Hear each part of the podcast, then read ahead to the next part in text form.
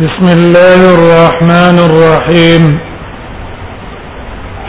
الحمد لله رب العالمين والصلاة والسلام على سيد پس میں بدغبن کا پس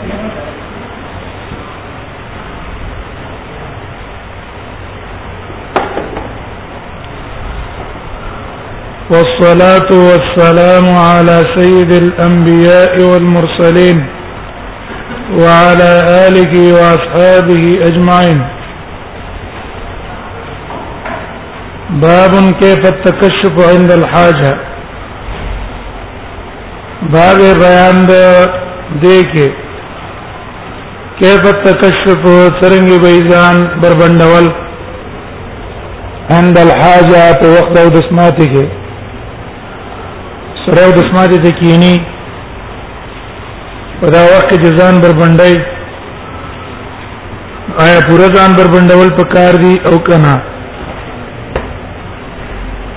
نو دې باب کې به طریقه وخی چې او د سمات د سره زی او کینی نو په یو ځل د جامه نه پورته کوي بلکې لګه لګه جامه دې پورته کوي وری حیا من الله د وجه حیانا د الله نه ولې حدیث دا چې فالله الله نه حیا ډېر کول پکار ده رايت الرجل رايت اذا كان الرجل خاليا صحابي ته پوښتنه کوي الله نه وي نو سره ځان نه ناس دي نو ځان در بندولې شي کنه نبی صلی الله علیه وسلم ویل او الله ډېر حقدار دی چې دا غي کرام وکړي شي او دا غنه حیا وکړي شي وبي قال سنا زهير بن حرب قال حدثنا وكيع عن الأعمش عن رجل ذا رجل رستم بيانو جدا قاسم ابن محمد ده سقر ده عن ابن عمر در دل ابن عمر نے روایت ہے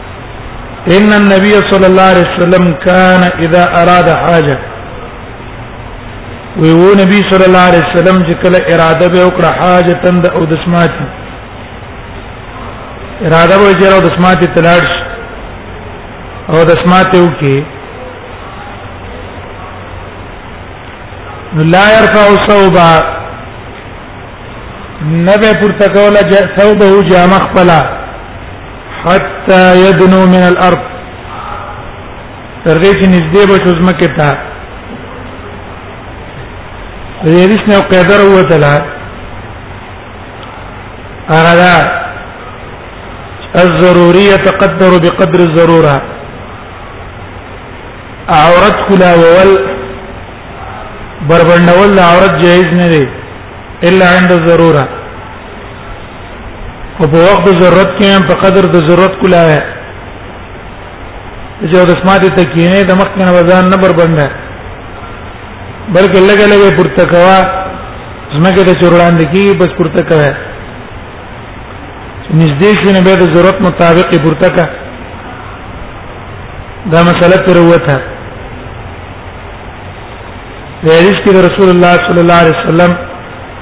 عمل لا ذکر شو چې رسول الله صلی الله علیه وسلم با ځان په وخت او د سماعت کې داول نه نمبر بننه ما استفاده من حدیث دا حدیث نه مسله معلومه شو ان النبي صلی الله علیه وسلم كان يبالغ في ستر العوره نبی صلی الله علیه وسلم په ستر د عورت کې ډېر مبالغه کوله وخت او د سماعت کې حال قضاء الحاجه منګلم په کار دا ده چې رسول الله صلی الله علیه وسلم اقتدا وکړو رسول الله صلی الله علیه وسلم په ترتیب باندې منګم لاړ شو زم ته معلوم شو جواز کشف العوره عورت بربندول په خلوت کې دا جایز دی دوی د ضرورت نه او به ضرورت عورت بربندول خکار کول اگر که سره ځان له ناشتي ناجایز دي ناروا دي او دا مسله اتفاقی د علماء منځ کې امام نووي په شوافیونه او شامی صاحب د احنافونه هغه تصریح کړی په دې چې کشف د عورت غیر د ضرورت نه په خلوت کې ناروا ده نه به کوي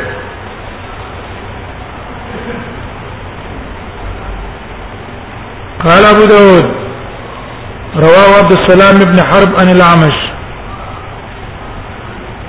غرض امام بخاری امام ابو داود رحم الله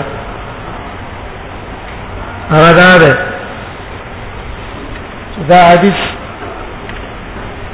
د اعمش د انس نه نقل کړه لیکن هغه روایت کمزور ده حاصل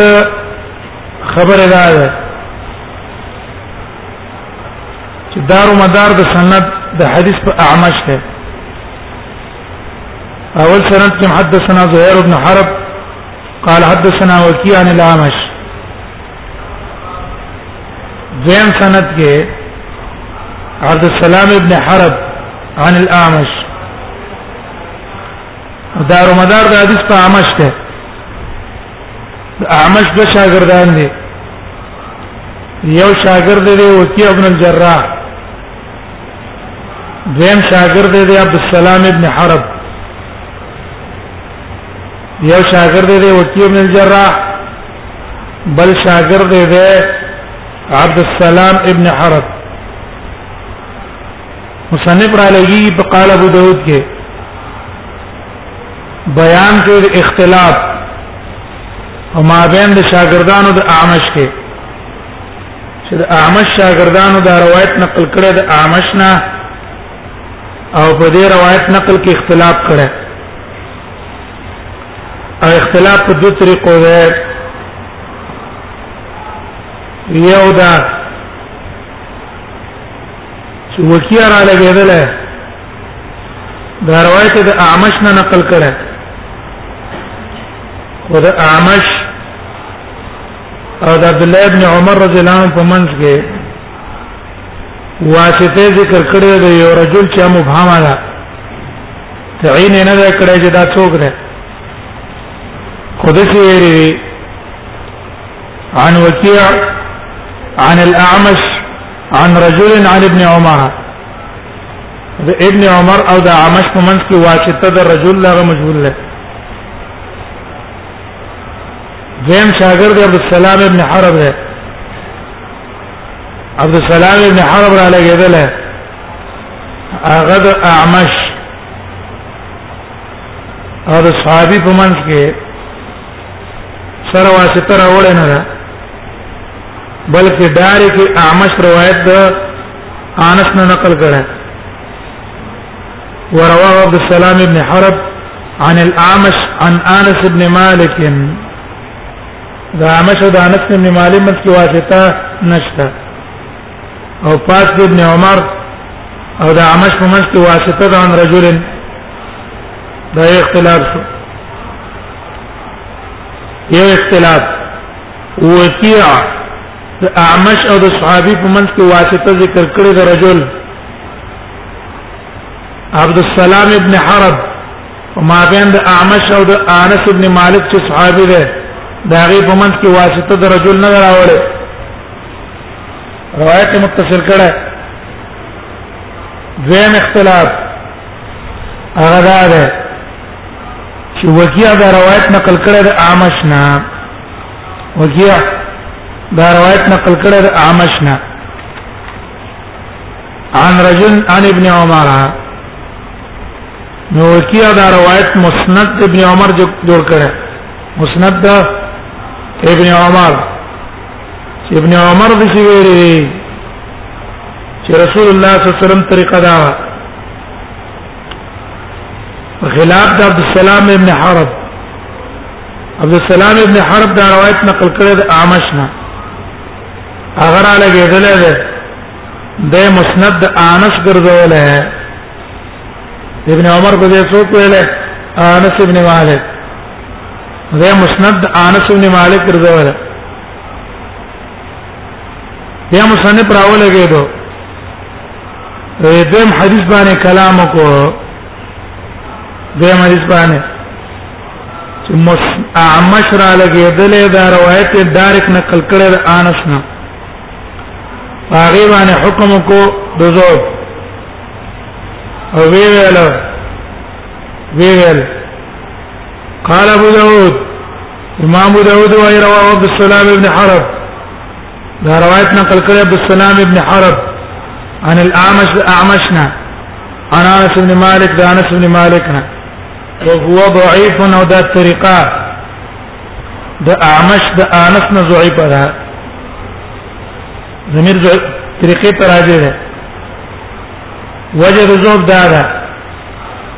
چې اعمش د انس نه سما ثابت نه ده او نه کومه د بل صحابي نه سما ثابت ده چې سما ثابت ده انس نم نشوا او د بل صحابي نم نشوا او دلته حدیث کې ډایرک اعمش روایت د انس نه نقل کړه حدیث ته چلو حدیث سندن کمزور شو منقطع شو منقطع روایت په درجه د ضعیف پیګانا ذکر هو ضعیف هو د میچا تراجه ده د سلام تنه د سلام نو حرف څه قرا یره بلکې ضمیر د طریقې تراجه ده او هو ضعیف دا طریقه د سلام ابن حرب ضعیف ده ولی ذکر منقطع ده امش د انس نسمان ده ثابته چې ما ثابت نه ده په قول د جمهور علما د جمهور علما قول لا ده چې اعمش د انس نه او نه د بلکم صحابي نه سما ثابت ده نو دیو نه دا روایت څه شلو منقطع شو چې روایت منقطع شو ضعیف شو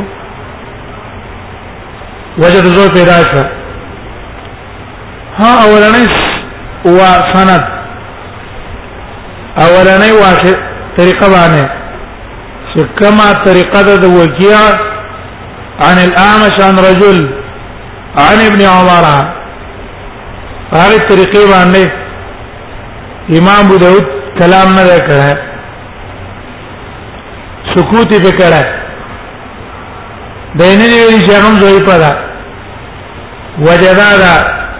چې دا رجل مبهم دا د امام ابو داود په نسبانه ثقه ده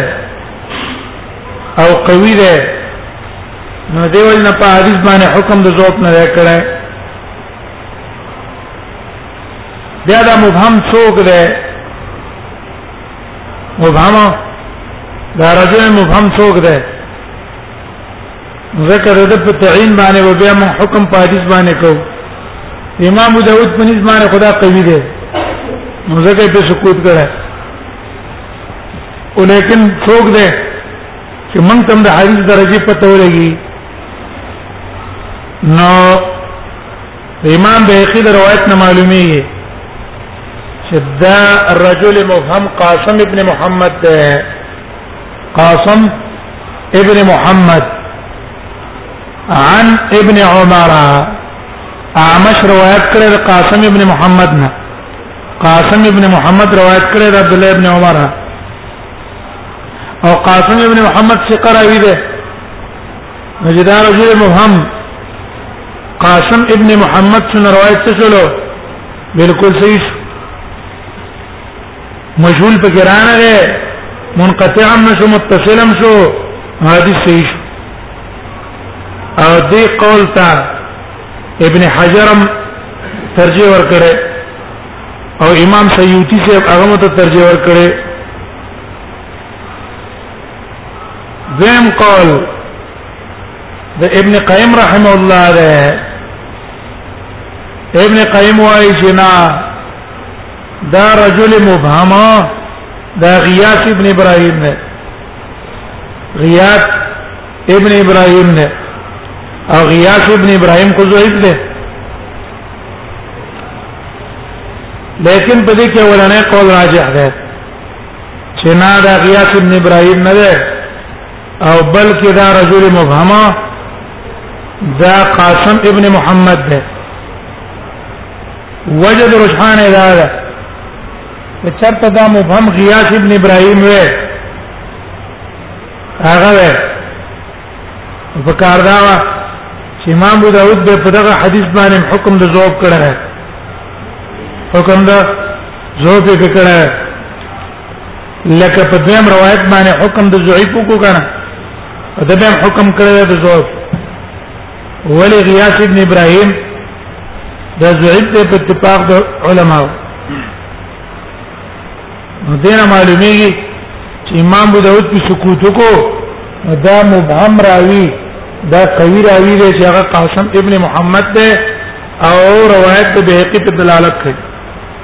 الحاصل اولنې روایت څه شلو مسند ابن عمر چې کی هغه روایت شو ها مسند اعمش چې کې د انس نه بیا روایت منقطع ده امام ابو داود رحمه الله چې په دې دیم حدیث باندې حکم د زور پکو چې رواه عبد السلام ابن حرب عن الاعمش عن انس بن مالك وهو ضعيف اولنې حدیث خو صحیح شو کې خبره نشته قاسم رجل مجهول من تعین کو چې قاسم بن محمد سن حدیث صحیح شو اوس دې دیم حدیث تر راځو چې آیا دا مسند بچا کې اعمش عن انس بن مالک کې امام ابو داود په دې باندې حکم د ذوب کړه چې په دې طریقې باندې روایت ضعیف ده وجه دا ده چې وی اعمش د انس نه سما او ملاقات ثابت نه ده نو چې د اعمش ته ملاقات او سما ثابت نه شو روایت منقطع شو نو ځکه زوید او امام ابو داود رحم الله چې دا حکم کړی دی په انقطاع د حدیثه چې دا حدیث منقطع دی او وجه ولدا ذکر کړي چې اعمش د انس ابن مالک سره ملاقات نه دی شوی او نه دی یو بل کوم صحابي سره نو دا قول غره بنا ده په قول د جمهور محدثینو بنا ده په قول د جمهور محدثینو د جمهور محدثینو قول لا ده جمهور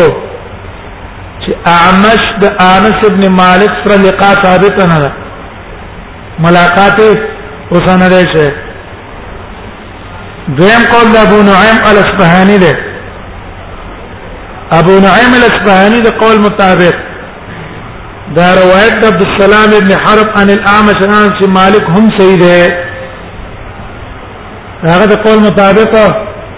دا روایت هم صحیح دی منقطع نه دی دا دیم سند هم صحیح دی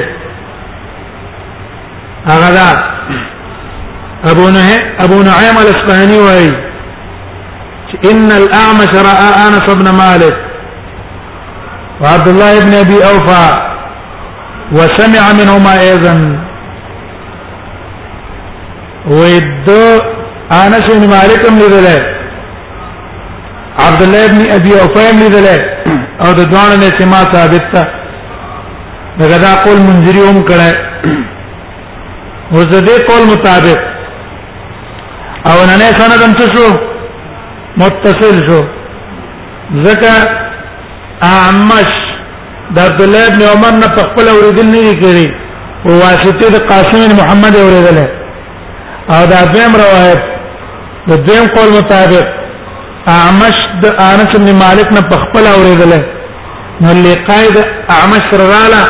او حدیث ته اوریدل نو حدیث متصل شو او امام ابو داود چې حکم د زوج په کړه د څه وجه نه کړو د انقطاع د وجه نه اوس یې منقطع نشو متصل شو سمای څه شو سمای ثابت شو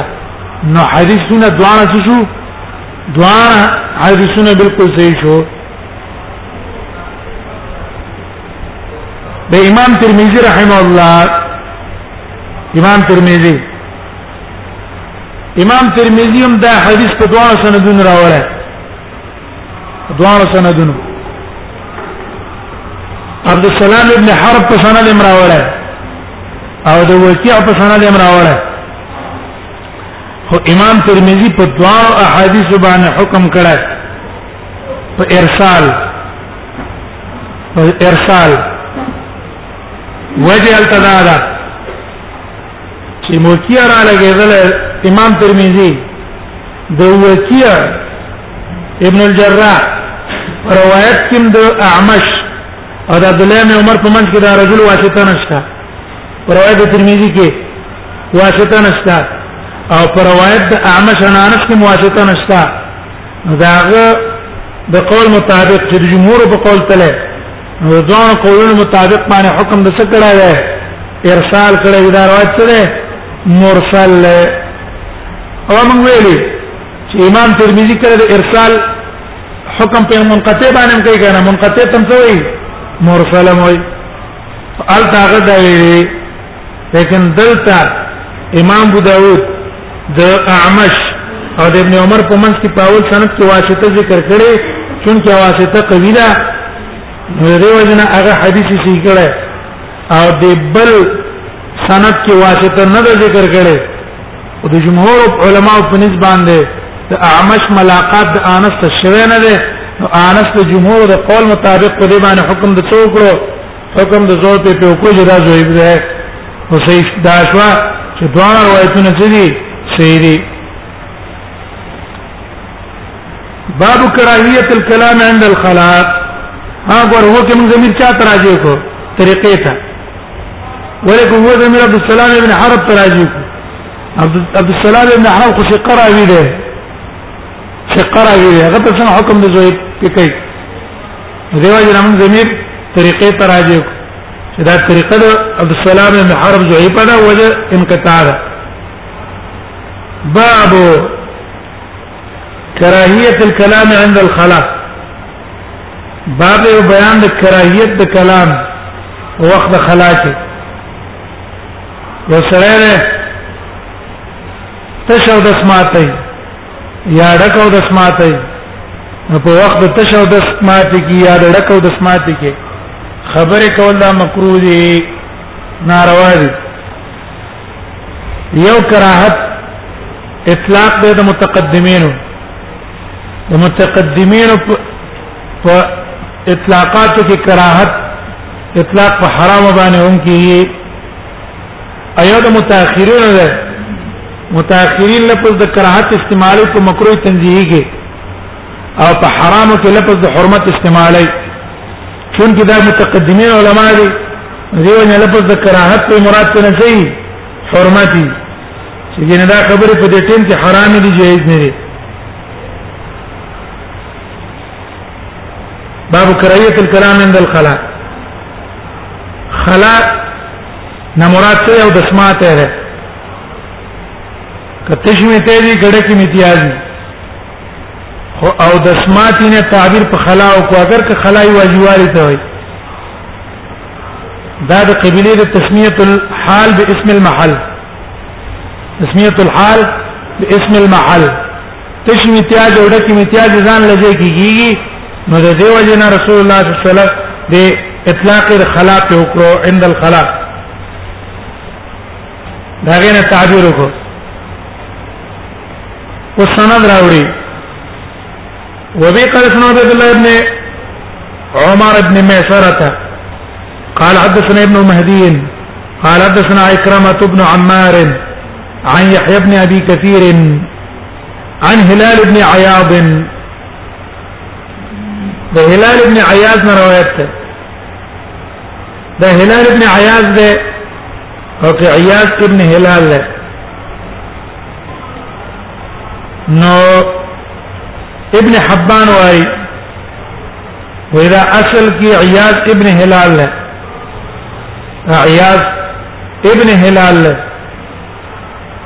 او ومن زعم انه هلال ابن عياض او کسو کوجنا دا هلال ابن عياض دې فقط وهم فيه هغه خطا شوی دی دا عياض دې عياض ابن هلال دا امام مسلم او امام بخاری د دنم په عياض راجح کړی دی چې خپل نوم عياض ابن هلال دی هلال ابن عياض نه عياض ابن هلال له بنا بر اختلاف چې هلال ابن عياض ده که عياض ابن هلال له او حافظ ابن حجر وايي چې مجهول من الثالثه په تقریب کې دارنګ زهبي سے هغه لا يعرف دا مجهول له مجهوله قال روي حدثني ابو سعيد وما تحديث بيان کړی ابو سعيد ابو سعيد الخدري دغه خپل نوم دی سعد بن مالک سعد بن مالک ابن سنان ابن عبيد ابن ثعلبه ودا مشهور په خپل کونیه باندې په کونیه مشهور شوی اکثر کسانو ته نوم مسند یاد من مشاهیر الصحابه دام په صحابو کې دی چې کوم مشهور صحابو او په هغه صحابو کې دی چې رسول الله صلی الله علیه وسلم نے احادیث ډیر نقل کړې دي بعض دي صحابو چې ته من المکثرین او من النبی نبی څنګه روایتونه ډیر نقل کړي اندام پاره کې ټول روایتونه دې نه نقل لې نو یو زر یو سلو او یا روایتونه دې نه نقل لې یو زر یو سلو او یا دا روایتونه دې نه نقل شي دې روایتونه کې متفقون علی روایتونه شپږ څلوېښت روایت دي دا متفقون علی دي او انفرد البخاری امام بخاری چې انفراد کړی دی دا شپږ روایتونه دي شپږ او انفرد مسلم امام مسلم چې انفراد کړی دا دو پنځوس دي اول غزا چې د رسول الله صلی الله علیه وسلم شریک شوی خندق ده او دینه پس د رسول الله صلی الله علیه وسلم سره دولت غزاګانو کې شرکت کړه په صحابو کې پانصارو کې کشر صحابي ابن سعد واي ابن سعد ولم يكن احد من احداث اصحاب رسول الله صلى الله عليه وسلم لم يكن احد من احداث اصحاب رسول الله صلى الله عليه وسلم افقه من ابي سعيد الخدري هغه صحابه کې چې کوم ځوانان نو پاره کې یو تن دا چې نو چې ډېر فقيه و د ابو سعيد الخدري نه د ابو سعيد الخدري غونډه کې فقيه سره ځوانانو صحابه کې نو د پټول صحابه کې فقيه ځوانانو کې هم شران صحابه لکه عمر او علي او عبد الله بن مسعود به ټیک د فقيهانو او ځوانانو کې د فقيه ابو سعيد الخدري قول له هغه لا يمنعن احدكم مخافه الناس ان يتكلم بالحق ومن لني کی تاسو یو تن یره د خلقونه د دینه چې د حق خبرو کې حق خبره کې ود چانه یریږي نه انا بشرمېږي اذا رآه او علمه کله چې حق ولیدو یا ته پته ولګېدل چې دا حق دی دا د جمعې په ورځ باندې وفات شوی دی څلور شپې ته هجری کې څلور او یا کال په عمر باندې او په بقی کې د پنځوي دی دا ابو سعید الخدری وايي سمعت رسول الله صلى الله عليه وسلم وی ما در رسول الله صلی الله علیه وسلم اوریدلی سمعت رسول الله علماء دا رسول الله صلی الله علیه وسلم حال واقع شوه حال وجداد مفعول ذکر نه کیږي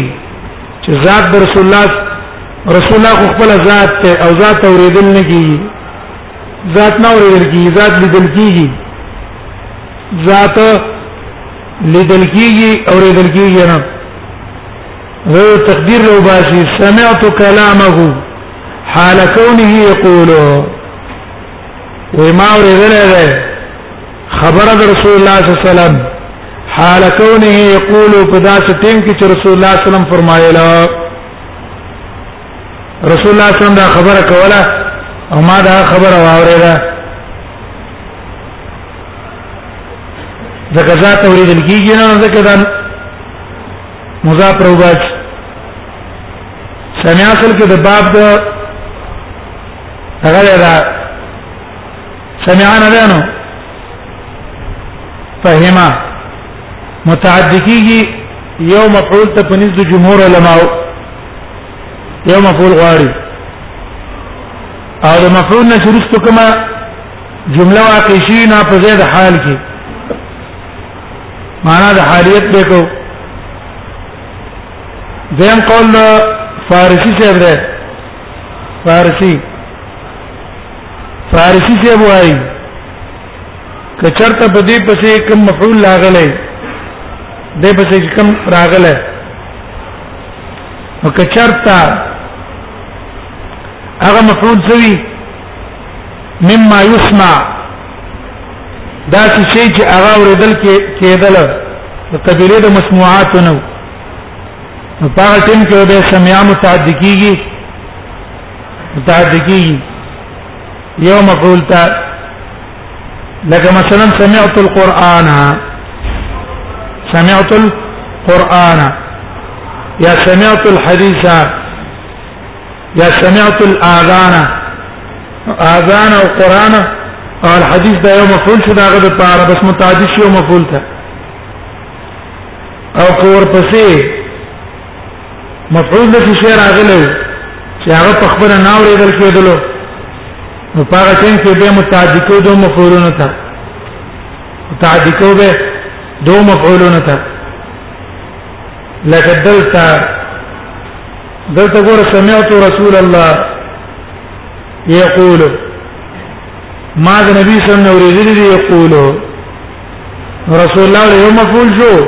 او یقول لا په جمله ولا څه ټوله جمله د مفعول شو دې کې څنګه شي یقول رسول الله صلی الله فرمایله لا يخرج الرجلان يضربان الغائب لا يخرج په جزم باندې ده یو احتمال لاره چې دا مجزوم ده او لا ناهیه ده دا مجزوم ده او لا ناهیه ده نبی اوزی سړی یضربان الغایه چې کوي د سمات لرا کاشفین انا ورته ما او کلاو کړي خپل عورت لرا کاشفین انا ورته ما عورت کلاو کړي دویم احتمال لا ده چې لا يخرج مرفوع وایا مرفوع او لا بسجي لا دا ونافي شي خو معنا ده نه هیوي خو تعبیر به نه نه په نفي باندې وکړو مبالغه معنی دا ده لا يخرج الرجلان نوزي شړي چې ډکه او د سماعت کې عورت دی کلاو کړي سړي دا کار سره کوي نه دا غي دا شان نه چې دا کار دی وکي نو لا تشولا لا نافيه شو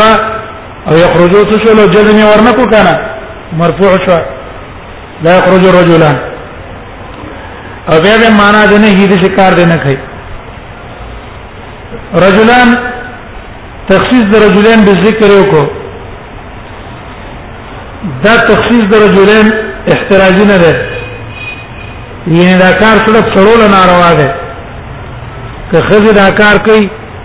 هغه له بدا جایز یا خزه سره دا کار کوي په خپل وخت هغه له بدا جایز نه دا تخصیص د رجلین کړه ده على سبيل الاغلبيه اکثر سړي دا کار کوي کني دوه خلک چې په خپل منځ کې د سماعت ټیم باندې خبرې کوي یا خزه او سړی خپل منځ کې خبرې کوي هغه هم د قصې ناروا ده بلکې ډېر اولاد په نه هی باندې هغه ودا کار نه کوي کاش ته لا يخرج الرجلان يضربان الغائب چې کوي د سماعت لره ضرب الغائب کنایه ده او د شماتي نه چون کې او د شماتي له خلق دین ذکر دا غنه تعبیر په دربان وکړو دلته معنا ده او د شماته کول کاشفین چې دیو کلاو کړی کپړې لرا انا عورت ما د خپل عورت نه کاشفین معنا کلاو کړی معنا راتعین هم توبه ما دې خپل جامې ځان نه پورته کړي دا عورتونو نه بربند ناشتي او هر یو تن بل ته ګوري دا قیدم پکې ده ينظر كل واحد منهم الى عورت صاحبه د هیڅ روایت ابن ماجه ده د ابي سعيد الخدري نه ابن ماجه روایت کې صدا لفظ ده ان رسول الله صلی الله علیه وسلم قال لا يتناجى اثنان على غائطهما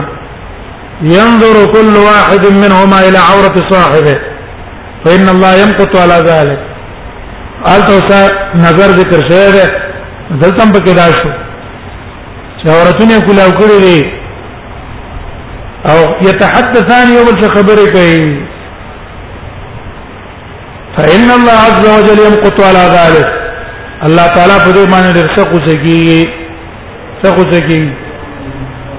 عورت ما تسنیه د عورت نه عورت څه ته وي عورت عورت لري کل ما یستحیا منه هر هغه شی چې سره حیا کوي دا غیر ښکار کول نه یستحیا منه اذا ظهر دا غیر ښکار کېدو باندې سره شرمېږي دته لري عورت به د سړي عورت کوم نه د سړي عورت ته ما بین سره او رکبه انا من والا تر زنګون پورې جمهور علما په نس فقص کې اختلاف دی فقص کې اختلاف ته خپل ځای کې براش راجح پای کې دا ده یره فقص عورت غلیظه نه ده من مکارم الاخلاق ده چې عام مجلسونو کې د عام خلکو په مخ کې به ور باندې نه او که یو خاص کس دی خاص استاو دا په منځ کې ازادي کې دا مخ ته تخصیص کولاو شو څو معنا به پای کې بنئ دا راجح قول العلماء امام بخاری امام مالک ته عورت نه وي فقط تا جمهور ته فقط عورت وي او د هر یو لپاره خپل خپل دلایل دي او راجح دا ده چې پټولې په کار دي عام ځینو کې بیان کولاوي دا د شریع عورت ته او هغه عورت چې کوم نه خزا نو د خزي بدن ټول عورت ته صرف په مخ مخه او کپین په دې مخ کې به اختلاف دی چې عورت ته کنه ده عورت ته کنه جمهور علما را اعلان چې د مخ د خځې مخه عورت ته بار دي کې کول اوله جایز نه دي د محققین علما را اعلان چې د خځې مخه عورت کې نه ادا کړي کدا ښکار شو نو خیر په تطبیقي قول په دې کې دا ده چې بار مخ په ټول په کار دي خځې لا دې نه کار کوي زګه ټول فتنه او فساد د مخ نه پیدا کی او په کور کې دنه دا به عورت نه ده کچرته لیوري لیور او هغه ته مخ کار څه خبره نشته یا د لیور په هغه نظر ولګي دو فساد نه خیر به په کیسه مارات نشته دا دریم قول له تطبیقی امه کې اختلاف ده جمهور مذهب دا چې والامه کالرجل وینځه د سړي په شان ده دا هغه عورت هم د نامه لواله پر زنګون پورې ده خو الا ظهرها وبطنها شا او خېټه د سړي عورت نه دی عورت ده لیکن ابن حزم رحم الله را ادا ده چې نه امم په شان ته د چا ده امم په شان ته د حره ده او کم احادیث کې چراغلي هغه مولا ته ده مولا د پاره د نامنو د رکبې نه بار دغه جن ته قتل جایز نه دي نور بدن ته لکه تل جهیز دي او هر چې پردو خلکو د پاره دي حکم په شان ته د حرې ده قتل او تنشي فإن الله عز وجل يمقت على ذلك الله غسکی پرې مقت ولګي ستا مقت ولګي اشد الغضب سخت غصه کوي الله په دې کار باندې ډېر سخت غصه کوي چې ته دې د اسما دې تناسته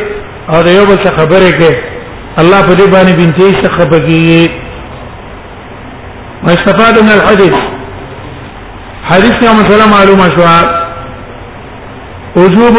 ستر العوره عورت پټول په انسان فرض دی دبلنا دا پټه ذم حرمة الكلام حال قضاء الحاجة او وخت او د سماعت کې د یو بل څخه خبرې به ضرورت کول دا ناروا دي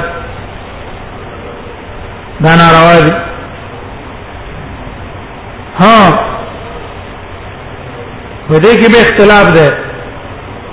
چې آیا دا حرمت د کلام دا په وخت او د سماعت کې دا حرام نه کوم مکروه تنزیه ده حرام نه کوم مکروه تنزیه ده نو شوکانی سے مې لوتار جمهور علما قول نقل کړه چې د جمهور علما مذهب دا ده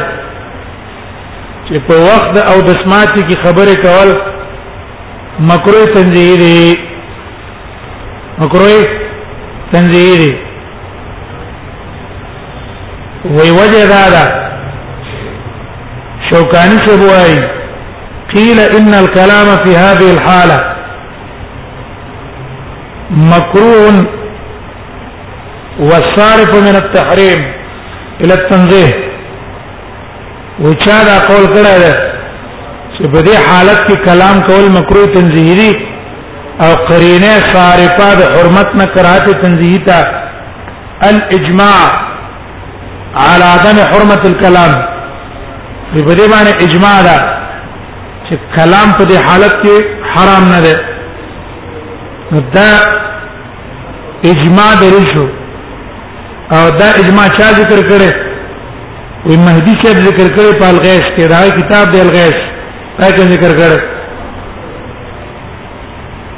لیکن شوکانی سے په دې رد کړه او ویلي چې راځي قول لري چې دا خبره حرامه دي دا خبره په دې حالت کې حرامه دي وجه دا ده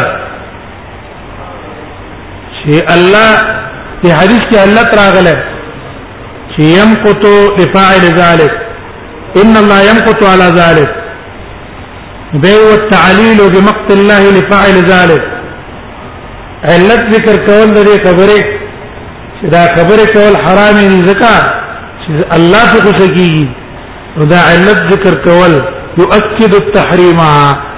دا تخبل تاکید د دې پیدا کوي چې دا خبره په دې ټیم کې کول حرام دي دا جایز نه دي بیا وی فإن صح الاجماع ټیک دا کدا اجماع شي شي بیا به څه چې صرف من الحرمه من بدا حکم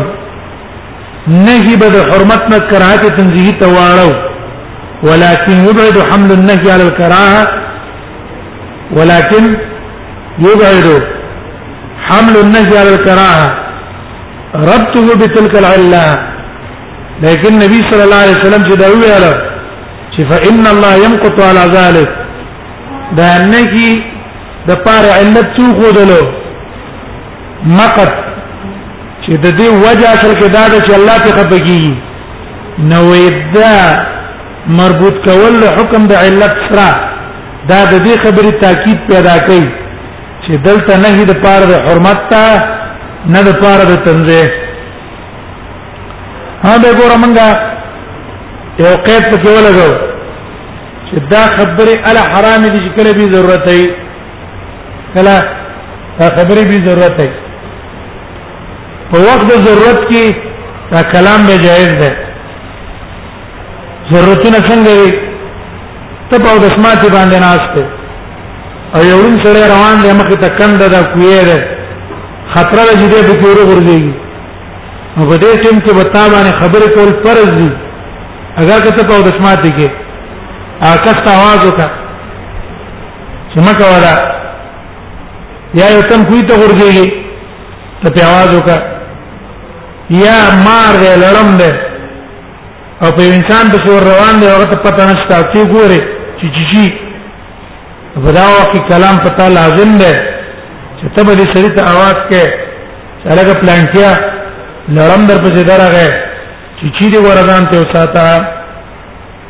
ځان به بچ کړي قال ابو داود لم يسنده الا عكرمه بن عمار امام ابو داود وايي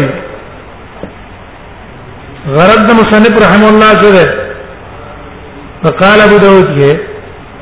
غرض د مصنف رحم الله فقال ابو داود کې بیان دې خبره چې دا حدیث د ابو سعید خدری ضعیف ده حدیث د ابو سعید الخدری زوید ده او وجد جو پیدا ده چې انفراد اکرمه به اسناد اکرمه ابن عمار اگر لګیدل دا حدیث نقل کړه ده د یحیی ابن ابي کثیر نا صرف بل چا د سره د حدیث نه نقل کړه او اکرمه چې د یحیی ابن ابي کثیر نه تفرد کی پر روایت حدیث حدیث کې نو پای کې د علماو کلام نه ډېر علماو دا ویلي چې اکرمه ابن عمار هغه تفرد کی پر روایت کې د یحیی ابن ابي کثیر نه ودا روایت بزوعی روایت بزوعی دا روایت بزوعی نو دلته اکرمه را لګیدل دی د حدیث باندې تفرد کړی دی یحیی ابن عمار نه نو دیو جن دا روایت څه شلو دا روایت هم ضعیف شو نو وجه د زو په تک تفرد شو یره دا تفرد د کړه دا ضعیف دی لیکن امام ابو داود رحم الله چې حدیث کو ټیک د ضعیف دی لیکن امام ابو داود چې کوم وجه د زوب کو خودله آیا دا وجه د زوب صحیح ده دا ټیک ده او کنه صحیح ده دا چې امام ابو داود چې کوم وجه د زوب د حدیث خودله ده دا ټیک نه ده دغه وجه د زوب دا خودله وجه د زوب تفرد د عکرمه بن عمار د یحیی بن ابي کثیر نه دا تفرد سبب ته د پار د زوب ته حدیث لیکن دا وجه کمزور ده کدا وجه سبب د ضعفي د امام مسلم د اکرمه ابن عمار حدیث نقل کړی دی ابن ابي كثير نه دارنګه د د په حدیث باندې امام بخاری استشهاد نه ولره اکرمه ابن عمار هغه چې د یحیی بن ابي کثیر نه کوم روایت راوړی هغه روایت باندې امام بخاری استشهاد نه ولر امام ترمذی راوړی نو ته چرته دا ضعیف وې نه دی په پښنه کوله دی باندې راوړل او امام بخاری په استشهاد نه نیوله دلیل دې خبره چې دا سبب د ذوق نه ده خبر باندې پیښوي اول من څو کړه على سبيل المنع امام ابو داود ته وایو چې امام ابو داود رحمه الله تا چې دا کوم وجه د ذوق خو دلا نو استاد وجه د ذوق موږ نه منو یقینا دا تفرد د اکرمه ابن عمار دا سبب د زوب دی ولې دا سبب د زوب ځکه نه ده چې اکرمه ابن عمار چې کوم روایتونه دی ابن ابي کثیر نه نقل کړي دا روایتونه خو امام مسلم په خپل صحیح کې راوړي او امام بخاری په استشهاد نه ولا ده اگر دا ضعیف وي نو امام بخاری په استشهاد ورنه ولا او امام مسلم به امام مسلم ما د روایتونه ولا نقل کوله دا دلیل دی چې یحیی ابن ابي کثیر نه چې اکرم ابن عمار روایت راوړي دا ضعیف نه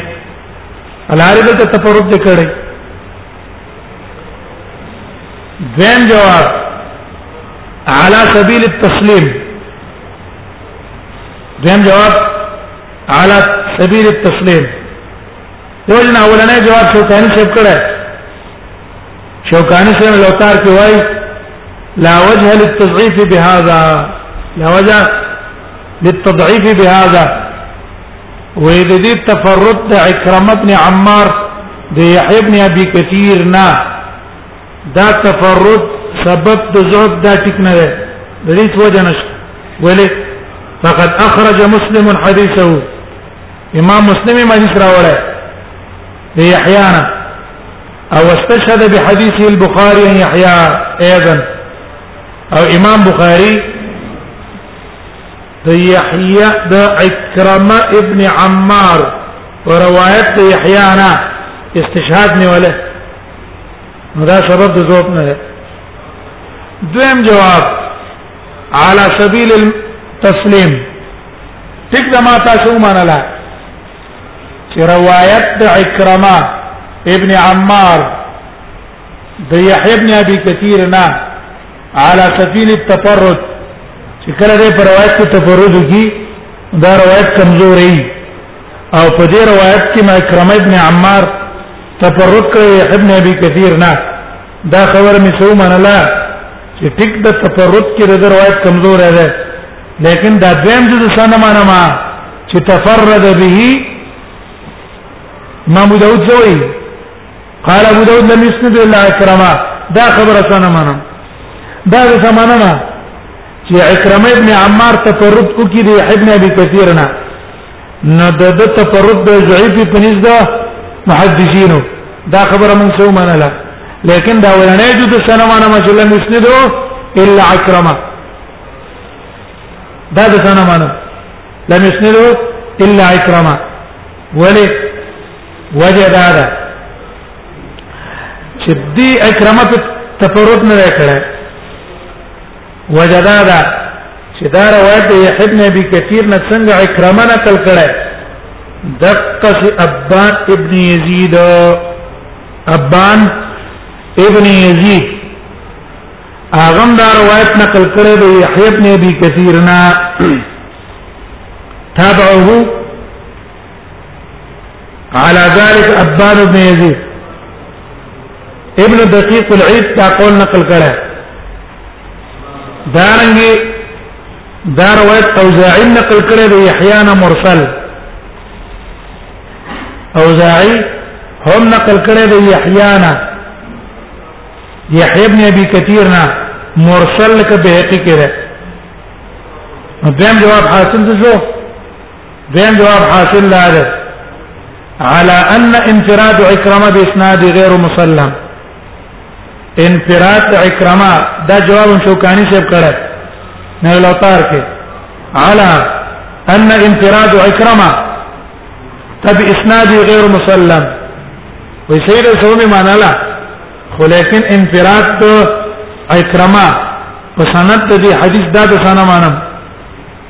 یعنی دا شرط تفرد پیدا کړه